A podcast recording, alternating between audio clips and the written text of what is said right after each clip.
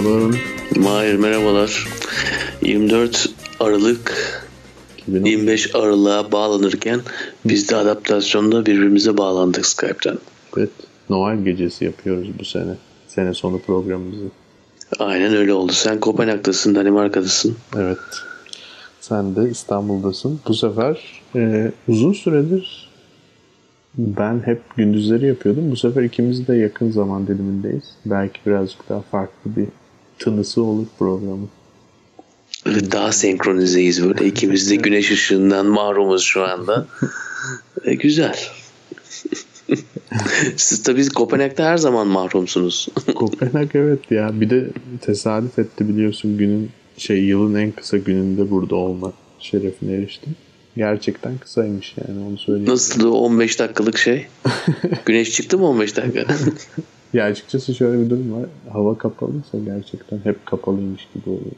Yani hiç gündüz olmamış gibi oluyor. Bulutluysa ama bayağı umut yani. Şey var Umut. ya film Dark City Karanlık Şehir. Hmm. Hiç güneş çıkmıyordu. Tam onun, onun gibi aslında bir açıdan. Zor. Alışık olmayana çok zor. Evet, Asimov'un da öyle bir hikayesi vardı. Devamlı yağmur yağan bir gezegende e, en çok güneş ışığına ihtiyacı olan çocuğu e, yağmurun tek yağmadığı günde dolaba kapatıyorlardı. Evet. Okullarda biliyorsun bullying çok önemli şeyler. Öyle mi? Yani çok bugünlerin en çok konuşulan konularından bir tanesi bu tür şeyler yani. Hmm. İş yerinde olanlar, okulda olanlar. Neyse. Evet ne yapıyoruz? 2016. 2016'yı 2017. konuşacağız. Çünkü 2017 çok sıkıcıydı. Tekrar 2016'yı konuşmaya Olur. karar verdik. Gerçek bir seneydi. Yani istediğimiz gibi arkasından laf edebiliyorduk. 2017 nasıl geçti benim hiçbir fikrim yok. Yani bilmiyorum. Yani herkesin aynı yorumu alıyorum. Herhalde bunu dinleyenler söylesin bakalım. Yani 2017 nasıl geçti hiçbirimizin hiçbir şekilde bir fikri yok. Umarım bunun yalnızca e, bizim hayatlarımızla alakası yoktur. Gerçekten de zaman daha da hızlanmaktadır ve bunu birisi kontrol ediyordur. Yani paralel evrende bir şeyler mi oluyor? Ne oluyor bilmiyorum. Valla bu yıl paralel evren konuları çok konuşuldu biliyorsun. Oscar'da da e, paralel evren e, teorileri atıldı. Acaba algoritmayı değiştiriyorlar mı? Aa, Oscar'da işte bundan dolayı mı böyle bir şey oldu. E, Amerika'da Amerikan futbol maçlarında Super Bowl'da işte bizim Boston'un Patriots'un e, son çeyrekte geri gelmesi. Bu Amerikan medyasında bunlar paralel evren konuları diyorsun. Çok evet insanlar çok seviyor öyle şeyleri. Evet 2017 nasıl Evet. bir yıl dedik. Şimdi Beraber karar verdik. Geçen yıllarda olduğu gibi üçer konuyla evet, masaya yatırmaya karar verdik 2017'yi. daha önceki yıllardaki programlarımızı dinlemeyenler olmuş olabilir. Ee, biz genelde birbirimize söylemeden 3 konu seçiyoruz. Bu seneye dair önemli bulduğumuz 3 konuyu yani toplamda 6 konuyu tartışıyoruz. Önce ben mi başlayayım sen mi olur? Sen başla. Ee, 2017 hakkında ne kadar bir şey söyleyeceğiz bilmiyorum ama en azından seçimlerimizde kendimiz hakkında bir şeyler söyleyeceğiz. 6 konuda olmayabilir bu arada. ha. Belki 5 konu 4 konu hatta 3 konu bile olabilir. Olabilir. Pişti olduğumuz yıllar çok oldu. Bakalım bu konuda pişti olacak mıyız? Önce ben gidiyorum. Gir bakalım. Ee, tabii ki ben aslında birazcık e, hile yaptım. Bizim programlara da baktım. Biz ne yapmışız diye. Nasıl geçmiş yıllara mı döndün? Ayrıca bu sene. Bu seneki programlara döndün. Evet. O yüzden bu sene bence en önemli konulardan biri. Herkes ne kadar e, beğensin beğenmesin, ilgilensin Evet. ilgilenmesin kesinlikle kripto paralardı. Biz de bununla ilgili 3 Ya. Bu arada duydum ki 2017'de bütün artık kahveleri sen ısmarlıyor musun Mahir? öyle mi? Ethereum alan kafelerde evet. e, eğer Mahir'i görürseniz kafeler ondan. Tabii. Yani şu anda bir kahve bayağı düşük bir Ethereum'a tekabül ediyordu diye tahmin ediyorum. En son rakamlara göre herhalde bir 700 dolar civarındaydı. Ee, ya kripto paralar ve aslında e, blockchain teknolojileri bu seneye gerçekten en azından belli bir kitle için damgasını vurdu. Bir de senenin sonuna doğru biliyorsun Bitcoin'in 20 bine yaklaşması, 20 bin dolara yaklaşmasıyla artık herhalde böyle haberi olmayan kalmamıştır diye düşünüyorum. Para piyasa vesaire işlerle ilgilenen insanların.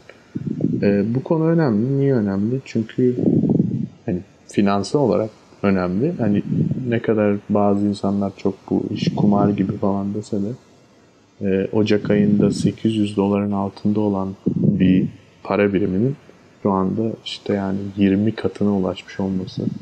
Hani bugünlerde 14, 15, 16 civarında geziyor. Bir sene içinde, 12 ay içinde yani herhalde bilmiyorum başka bu kadar 20 katı dönüş yapan bir şey oluyor mu bir senede ama Oluyor ama bir para biriminin olması tabii e, olmuyor. Yani genelde para birimleri arasında e, bu tür 20 katı dönüş e, değişim olması için herhalde bir ülkede e, birkaç tane ihtilal üst üste olması lazım. ne bileyim devalüasyon üzerine devalüasyon olması lazım. Onun dışında böyle durumlar dışında olmuyor evet. evet.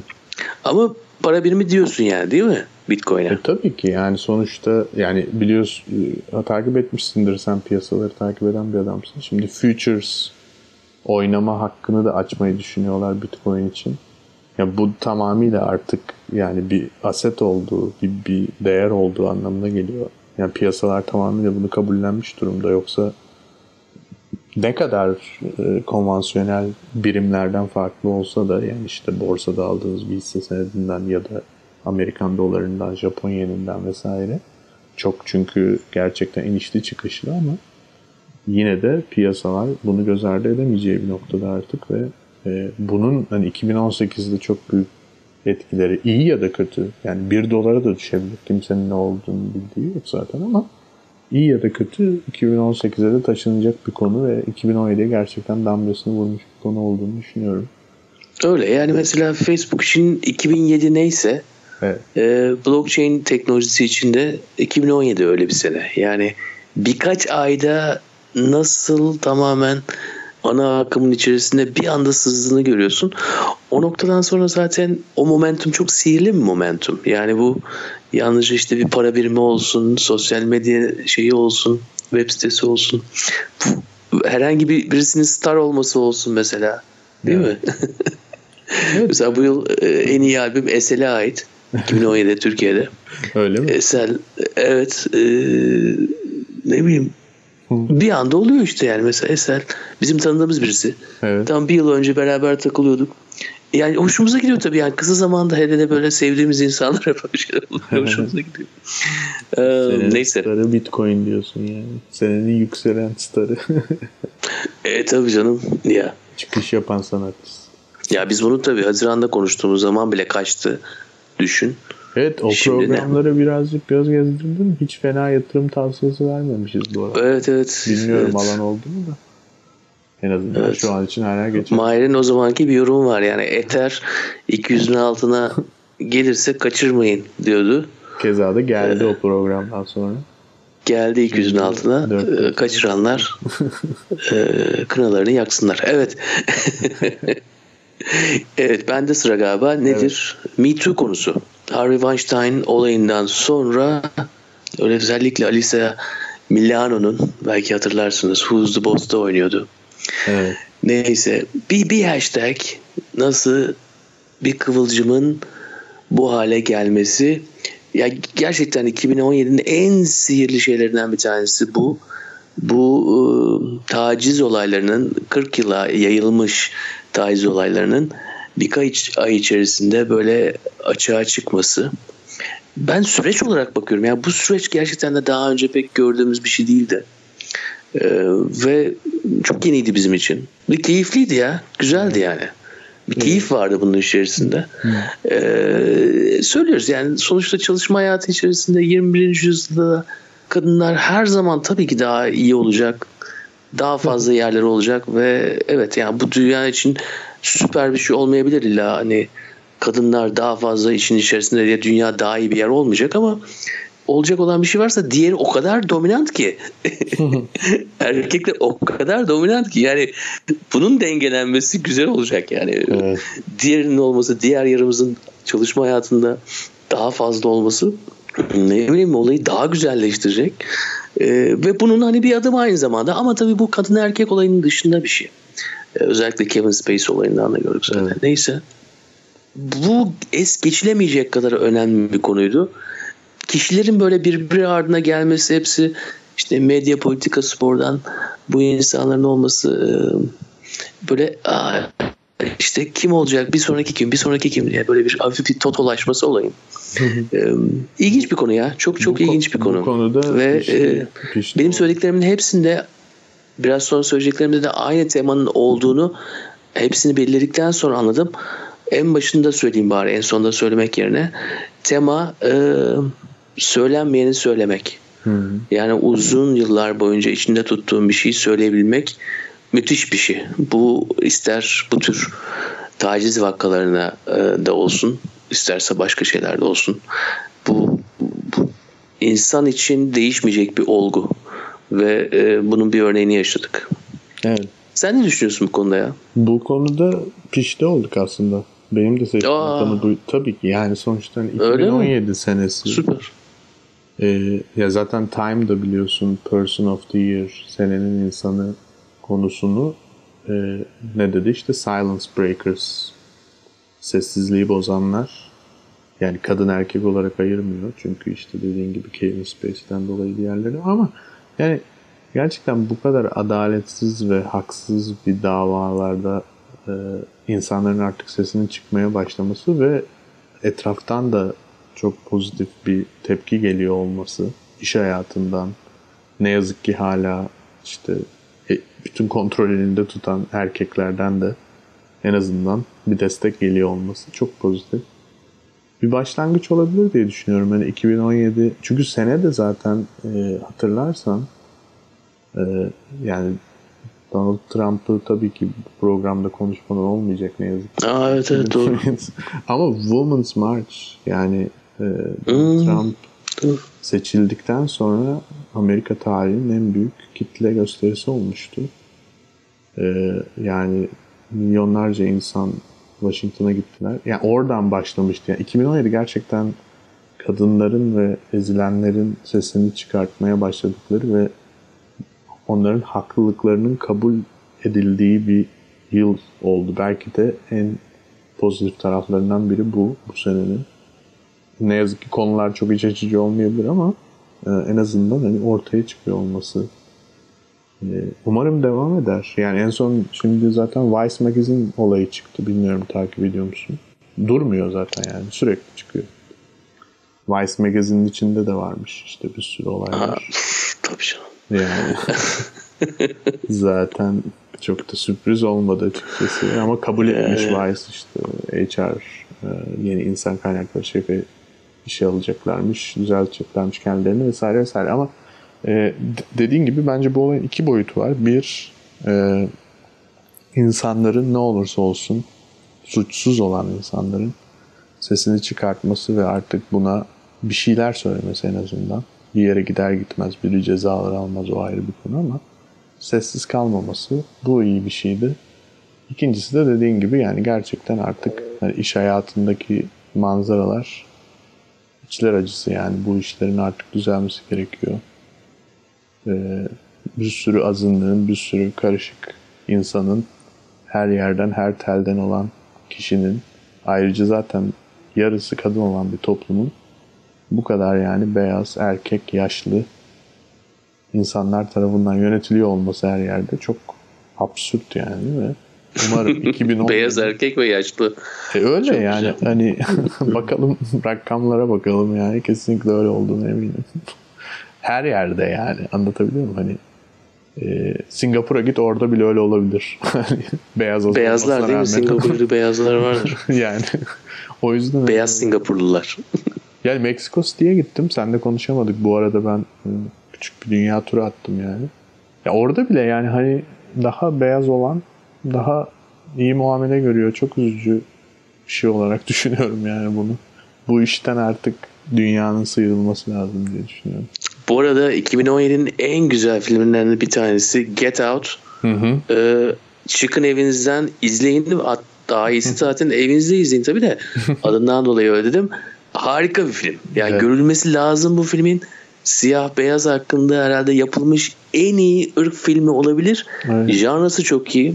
Ee, korku gerilim diye geçiyor. Öyle fazla korku yok esasında ama e, izlenmesi lazım. Yani Çok gerçekten de evet, e, 5 milyon dolara yapılmış. Gişesi 250 milyon dolar olan e, sihir gibi ya.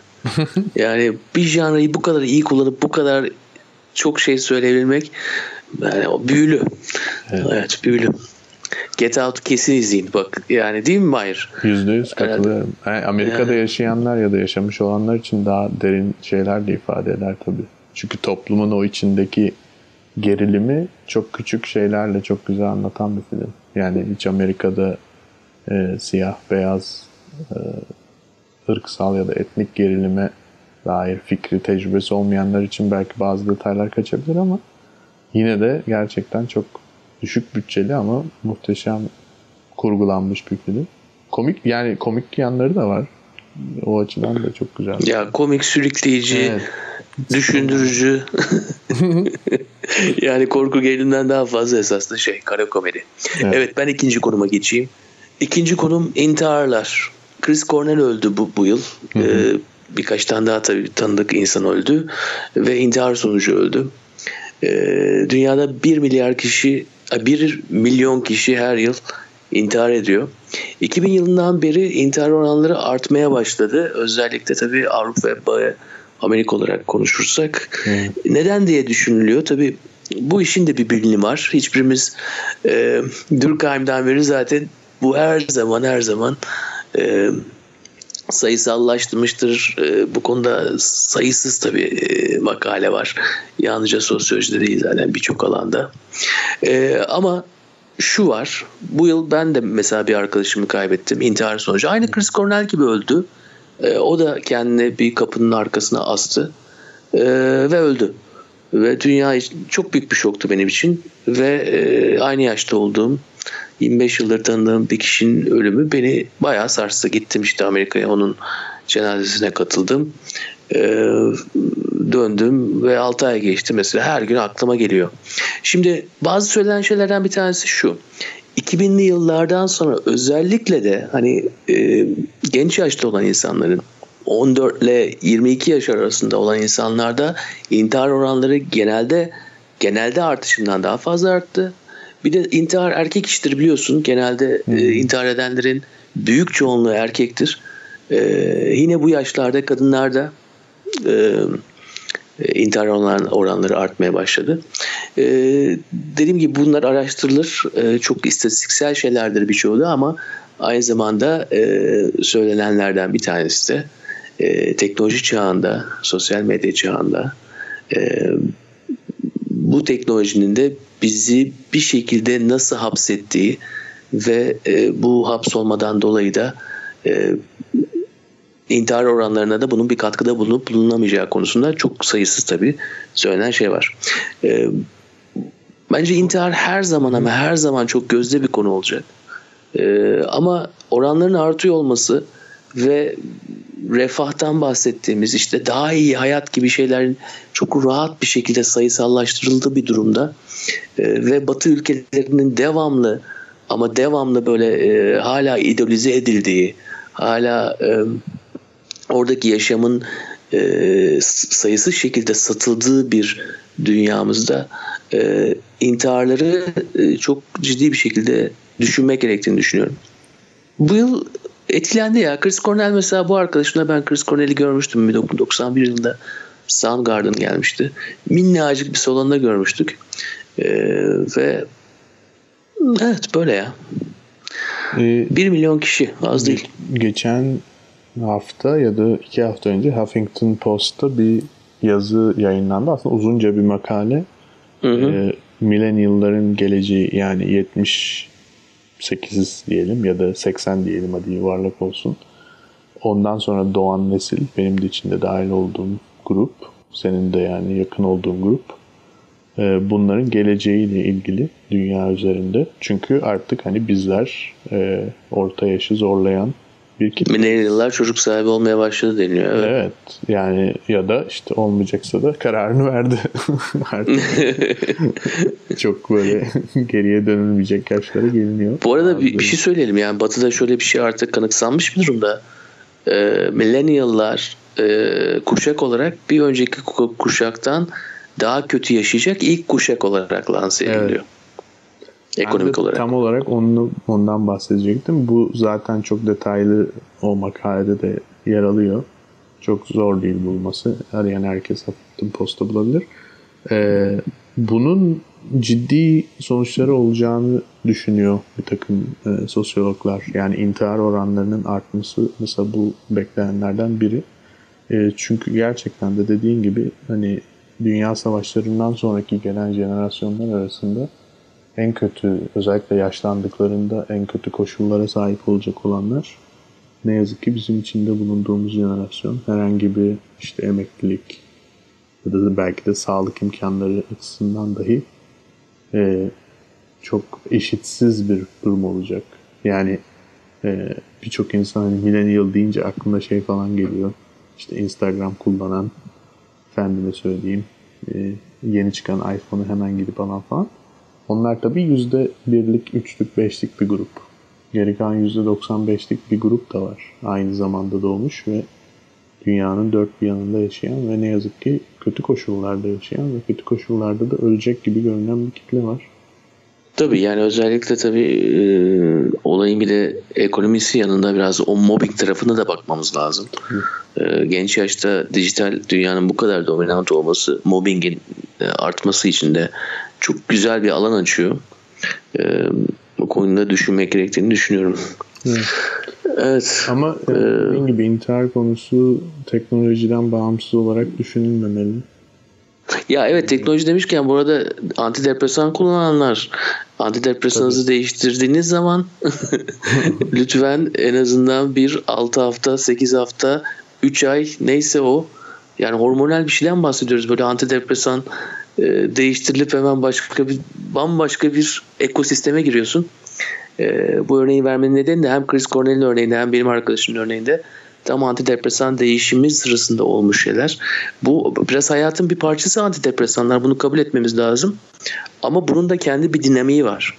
E, ve günümüzde e, yardım aldığımız bu tür araçlarla olan ilişkimizin e, düzenlenmesi ve onlarla nasıl bir etkileşimde bulunduğumuzun çok daha şeffaflaşması gerek, gereken bir çağ. Ama biz biz bu çağda aynı zamanda ne bekliyoruz? Bir şey alıyorum hemen etkisi olsun, şu olsun. Ee, instant gratification diyorlar ya anında anında görüntü hocam. Öyle olmuyor tabii. Dediğimiz gibi ya bunlar birer hap oldukları kadar aynı zamanda hormonal etki yapan araçlar ve milyonlarca insanın da e, bu gerçeklikle yaşadığında farkında olmamız lazım. Biraz sabır diyoruz. Evet. Benim e, üçüncü konum geçelim mi? Bizimki tam şey gibi oldu ya yani konular artık böyle e, public service announcement yani kamuya böyle e, anons yapıyor gibi, gibi olduk. Demek ki bak ne kadar da olmuşuz 2017'de. Kamu spotu mu yapsak acaba? Kamu spotu Kısa gibi program. ya evet. böyle bunu kamu spotu haline getir kardeşim. Duyar kazan adamlar. Yani. Şimdi düşünüyorum da tekrar. Ee, yani zaten birkaç gündür düşünüyorum program yapacağız diye ama e, enteresan bir sene gerçekten. Neyse üçüncü konum şu. E, ikincisi seninle ortaktı. Sessizliği bozanlar. Üçüncü konum biraz kafam karıştı ama şöyle özetleyebiliriz. Bence 2017 senesi artık dünyaya sığmadığımızın kanıtlandığı bir sene olabilir. Yani geriye... Ne? Mars'a falan gitmekten bahsediyoruz. Şimdi birkaç açısı var. Bir, Tam sürpriz oluyor bana. Evet. evet. Bir tabii ki Mars eforları. Yani bu sene biliyorsun SpaceX biz bunu programlarda da konuşmuştuk. İlk defa e, başarılı bir şekilde roketi geri indirdi. Yani bu teknolojik açıdan önemli ve e, birçok yani daha dün de zaten başka bir roket attılar falan. Hani bir Evet bir arkadaş evinden görmüş roketleri San Diego'da. Evet. Yani millet... Peki yani dünyaya sığmadığımız zaman bundan mı bahsediyorsun Şimdi yoksa bu, bu bir baştan açısı, bir alayım da ona ben, göre kafamı şekillendir. Şöyle birkaç açısı var hemen hızlıca geçeyim farklı açıları. Bir yani gerçekten böyle e, hani Ay'a gitme durumları ya da işte ne bileyim e, bir takım uydular gönderdiğimiz eski 90'lı senelerden beri ilk defa 2017'de uzay extraterritorial konular hakkında heyecanlandığımız bir sene oldu bir sürü açıdan. E, bu bir açı. Yani gitmek istiyoruz bir yerlere gitme derdimiz var. İkincisi gerçekten e, uluslararası ilişkiler açısından baktığımızda işte Kuzey Kore, Rusya, Amerika'nın yeniden ilginç bir eksene girmiş olması, efendim söyleyeyim Orta Doğu'nun hali, işte en son Kudüs olayı vesaire falan derken bir kaynayan bir dünya var politik olarak. Bu ikinci açı. Üçüncü açı da e, hani çok fazla şey kasırga gördük bu sene ve e, çok fazla e, çevre doğayla ilgili kötü haber gördük. Depremler, kasırgalar vesaire.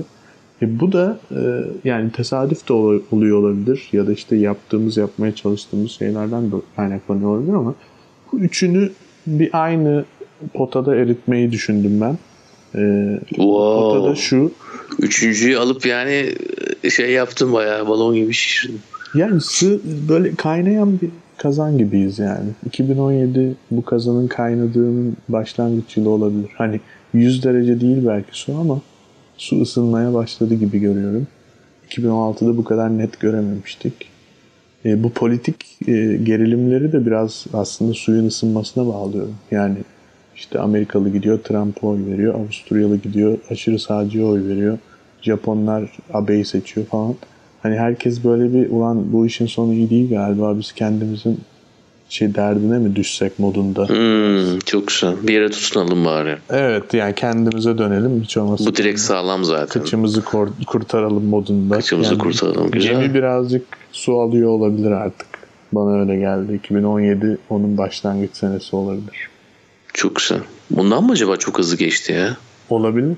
Yani e, bilmiyorum bana hani böyle çok e, zaten biz çok karamsar konuşmuyoruz yani ama e, yani bir takım sinyaller ortada ve e, insanların hani bununla başa çıkabileceğini umuyorum ben hala açıkçası.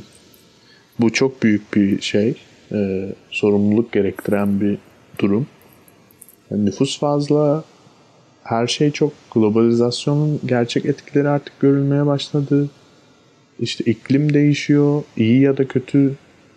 E, yani teknolojinin çok ciddi etkileri var ve bu artık bu yeni bir şey. Yani yeni bir dünyada yaşıyoruz artık. 21. yüzyıla tam anlamıyla girdik belki de. Ve bu Evet ya bazen bu tür şeylerin nedenini anlamakta zorluk çekiyoruz. Hı hı. Ee, ya neden işte buraya kadar geldik bak diyorsun. Neden hala milliyetçilik ve din hala hı hı. Daha da daha da yükselen değerler olmaya devam ediyorlar. Niye direkler etrafında insanlar onunla o direkler etrafında toplanmaya devam ediyor? Ee, ve bunu da çok konuştuk yani bir şey diğerine doğurur. O, konuştuk. Ama şunu görmeniz lazım. Bak şöyle bir örnek vereyim mesela. Geçen gün ee, New York'ta galiba birisi Tinder'dan birisini bulmuş. Hı hı. Kız işte Trump'a şeylerde oy verdiğini söylemiş adama. Hı. Adam o anda hemen şey istemiş. Hesabı istemiş. Tinder dünyası tabii bu biliyorsun yani hızlı olmak zorunda da. Ee, bir Trump'a oy verdiğini söylemek öyle bir şey oluyor ki yani o noktadan sonra sıfırlıyorsun yani. Evet. Artık yani hiçbir şeyin dinlemiyorsun. Çok yani Bundan sonra artık ağzıyla kuş tutsa zaten e, o kızı veya kadın neyse o adamı o olanı şey yapmayacaksın yani onunla devam etmeyeceksin. Bizi yaklaştırıyor yani değişik ülkelerde yaşayan insanları da birbirine yaklaştırması da e, daha da fazla göreceğiz bunu ya.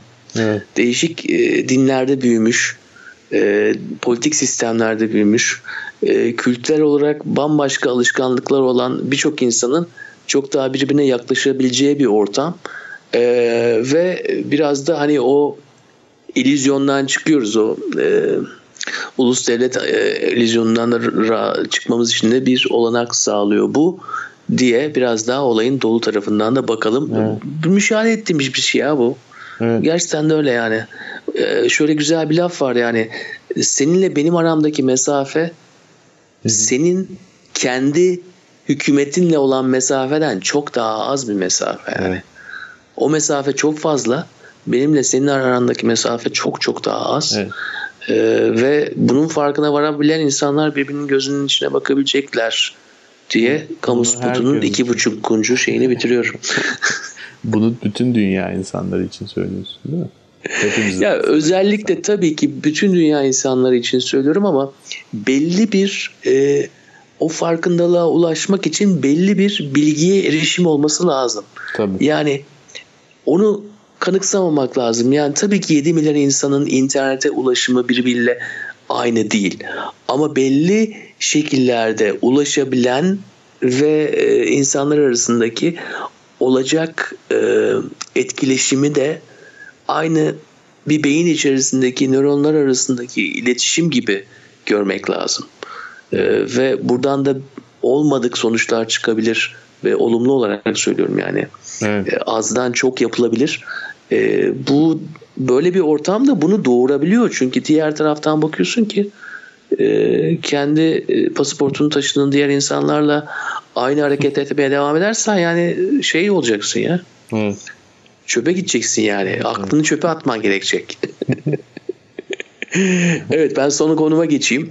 Ee, çok şey olduk ya böyle Time dergisinin şeyi gibi olduk. Hakikaten ee, ya. Ne, neydi Time dergisi ne yapmıştı yılın insanını? Silence Breakers.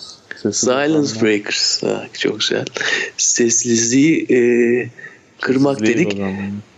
Evet benim üçüncü konum Türkiye'nin e, açık hava hapishanesine tamamen dönüşmüş olması 2017'de artık hani evet. tabii ki yani bu 5 yıllık bir konu belki 2011'den alırsan 6 yıllık bir konu Evet. Ee, ama yani bu yıl artık tamamen dönüştü ya. Resmi olarak diyorsun. Evet yani sokakta zombiler gibi dolaşıp hiçbir şey söylenmeden 11 tane 10 bin tane şey e, e, ne derler ona otosansürün dibine vurmuş vaziyetteyiz. Süzgeçlerimiz müthiş, kalkanlarımız her şeyimiz var. Söyleme söyleme içine sakla içine sakla zaten unuttun yani artık gitti bile. Böyle çok ilginç bir dönemdeyiz. Ee, ben bu açık hava hapishanesi terimini çok seviyorum yani çok güzel yani böyle açık havadayız. ama ama e, nasıl bir şey ya? Valla insanların yüzünde bunu görmek müthiş bir şey yani. Ben böyle bir zamanda yaşadığım için şu an e, çok farklı bir açıdan geleceğim belki ama herkes de mazur görsün. Türkiye'de değilim ama yani amacım dalga geçmek değil ama bir ilham olmak belki. Çok iyi zombi filmi çekilir şu an Türkiye'de. Ya tabii canım abi evet, evet. ya da böyle e, Exorcist. Yani böyle e, kült tarzda bir filmi şu günün Türkiye'sinde çekmek çok enteresan olabilir diye düşünüyorum. Hem de e, yani birçok şeyden de tabii kolayca sıyrılır diye tahmin ediyorum ama güzel bir alt metinle harika işler yapılabilir. E, herhalde orada yaşıyor olsaydım böyle bir şey Hı. yapmayı denerdim yani böyle şeyler. Belki bizi dinleyen yaratıcı arkadaşlar böyle bir şey düşünebilirler hapishane günleri için. Bu arada evet yani burada olmadığı için sana şöyle bir söyleyeyim. Vakıf olmadığım bir şeyden bahsedeyim. Özellikle İstanbul'da tiyatroya giden insan sayısı çok arttı. O ne ee, Evet bu tür aktivitelere karşı canlı aktivitelere karşı bir reel olarak bir tane talep artışı var. Ve burada da e, hani burada sinema gibi bir şeyden bahsetmiyorum mesela. Hani tiyatro ve canlı hmm. performanslardan bahsediyorum. Çünkü orada o isteğimiz var yani orada dokunma isteğimiz var. Onu başka yerlerde sağlayamıyoruz. O dokunabileceğimiz biraz daha canlı hissedebileceğimiz alanlara doğru çekiliyoruz. Çünkü bu gibi havalarda e, o canlılık hissi gidiyor.